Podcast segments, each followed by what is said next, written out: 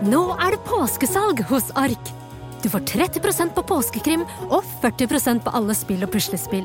Jeg gjentar Ark har 30% på et stort utvalg krim og 40% på spill. Det er mye påske for pengene. Så hamstre påskekosen i nærmeste Ark-butikk eller på ark.no.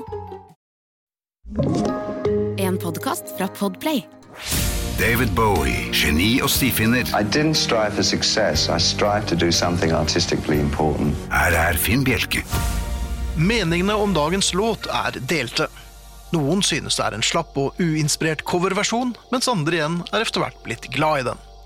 Siden det er denne jeg har plukket fra LP-en Black Tie White Noise, som kom i 1993, så betyr det at jeg tilhører kategori 2. Sangen er Don't Let Me Down and Down og ble originalt fremført av den vestafrikanske artisten Tara Mintembara, som var en bekjent av Bowies nye kone Iman. Og det var Iman som overtalte Bowie til å gjøre en cover av en av Taras låter, og valget falt på Don't Let Me Down and Down.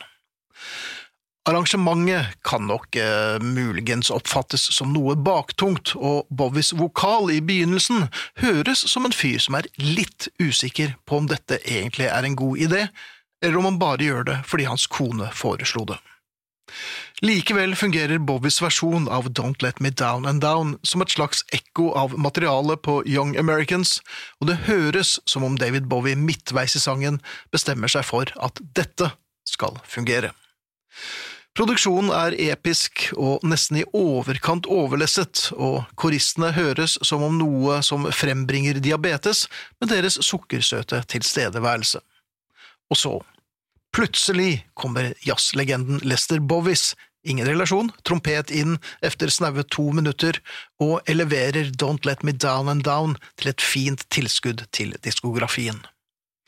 LP-en Black Tie White Noise var David Bowies første album på seks år, ja, Det kom altså et par Tin Machine-utgivelser i mellomtiden, og dette er Bowies 18. studioalbum.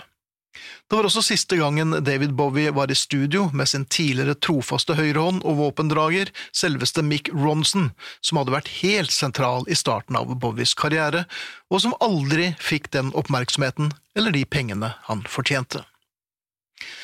Ronson bidro på en coverversjon av Cream-klassikeren I Feel Free, og døde dessverre bare noen uker etter plateutgivelsen. Don't Let Me Down and Down kan sees på som en bryllupsgave til Iman, sammen med instrumentalene The Wedding og The Wedding Song, og Black Tie White Noise viste at Bowie på langt nær var ferdig som artist, selv om han var nyforelsket. Kreativiteten var tilbake, og det skulle komme mye mer for fansen å få brynt seg på. Heldigvis. Her er Don't Let Me Down and Down bedre enn sitt rykte. Nå er det påskesalg hos Ark! Du får 30% på påskekrim og 40% på alle spill og puslespill. Jeg gjentar Ark har 30% på et stort utvalg krim og 40% på spill.